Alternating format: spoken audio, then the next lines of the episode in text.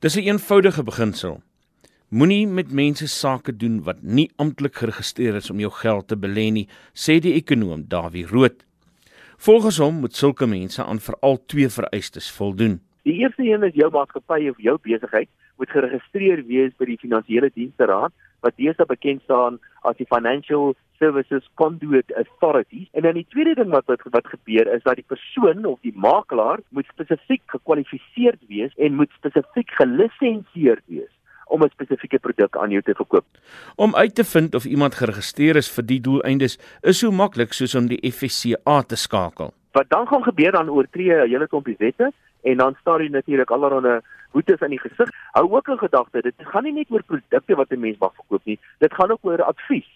Spectrum het naklagtes van verskeie verbruikers navraag gedoen oor die registrasie van die diamanthandelaar Louis Liebenberg. Hy bied sy beleggers so 100% opbrengs na 90 dae as hulle hom help om in ongeslypte diamante te belê. Volgens Liebenberg hoef hy nie hiervoor geregistreer te wees nie. Rood sê Liebenberg is moontlik reg Diamante val nie onder die omskrywing van finansiële dienste in die wet nie. Maar die vraag is of hy dan geregistreer is vir diamanthandel, iets wat ewe streng gereguleer word. Spectrum het die vraag aan Liebenberg self gestel.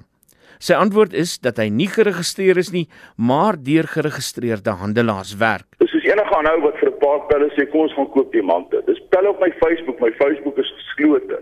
Die volgende stap was om uit te vind of dit wettig is om op die manier handel te dryf in diamante. Hiervoor het ons met die president van die Wêreldfederasie van Diamantbeurse in die Blom gepraat. Ek dink niemand gaan jou keer om te adverteer nie, maar daai persoon wat gaan belê in 'n pakkie diamante gaan nooit kan besit neem van daai diamante nie want van selfsprekend daai persoon het nie 'n lisensie nie. Tot op hierdie punt is Liebenberg dus aan die veilige kant van die wet maar daar is beslis vrae oor sy onderneming.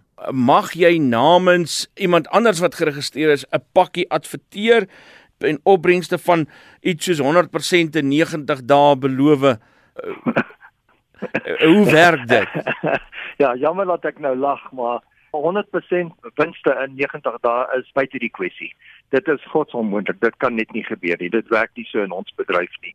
Wat is realistiese opbrengste vir beleggings in diamante? As ons praat van diamante, is dit net 'n paar persent, maar dit is ver van 100% af, dis verseker. Nog 'n vraag om te vra gaan daaroor dat Liebenberg se beleggers nie hul opbrengs of hul kapitaal teruggekry het op die beloofde datum soos in hul kontrakte uiteengesit is nie. Liebenberg se verskoning hiervoor is dat die diamantpryse skerp gedaal het. Blom sê dis iets wat onwaarskynlik is. Laas wat dit so drasties geval het was in 2008 en 2009 toe ons daai wêreldkrisis gehad het, 'n finansiële krisis. Volgens Rood is die feite van hierdie belegging iets wat die waarskuwingsliggies moet laat flikker. Natuurlik sou ek baie meer eh, besonderhede daaroor wil hê, maar dit klink vir my dat jy miskien een belegger se geld eh, vat om ander beleggers eh, se opbrengste te betaal en as die indien dit wel die geval is, dan is dit 'n tipiese piramide skema of 'n sogenaamde ponzi skema. Blom sê soos Rood, die goue reël is om net met mense sake te doen wat geregistreer is. As jy wil belê in diamante, het sy dit rof of geslyp is, deel met iemand wat 'n lid is van 'n diamantorganisasie wat gebonde is aan die Wêreldraad van Diamantbeurse. Dit was die president van die Wêreldfederasie van Diamantbeurse in die Blom. Dit is nie die eerste keer dat Liebenberg van swendelary beskuldig word nie. Spectrum is in besit van afskrifte van verskeie sake wat teen hom aanhange gemaak is, asook ooreenkomste wat met beleggers gesluit is.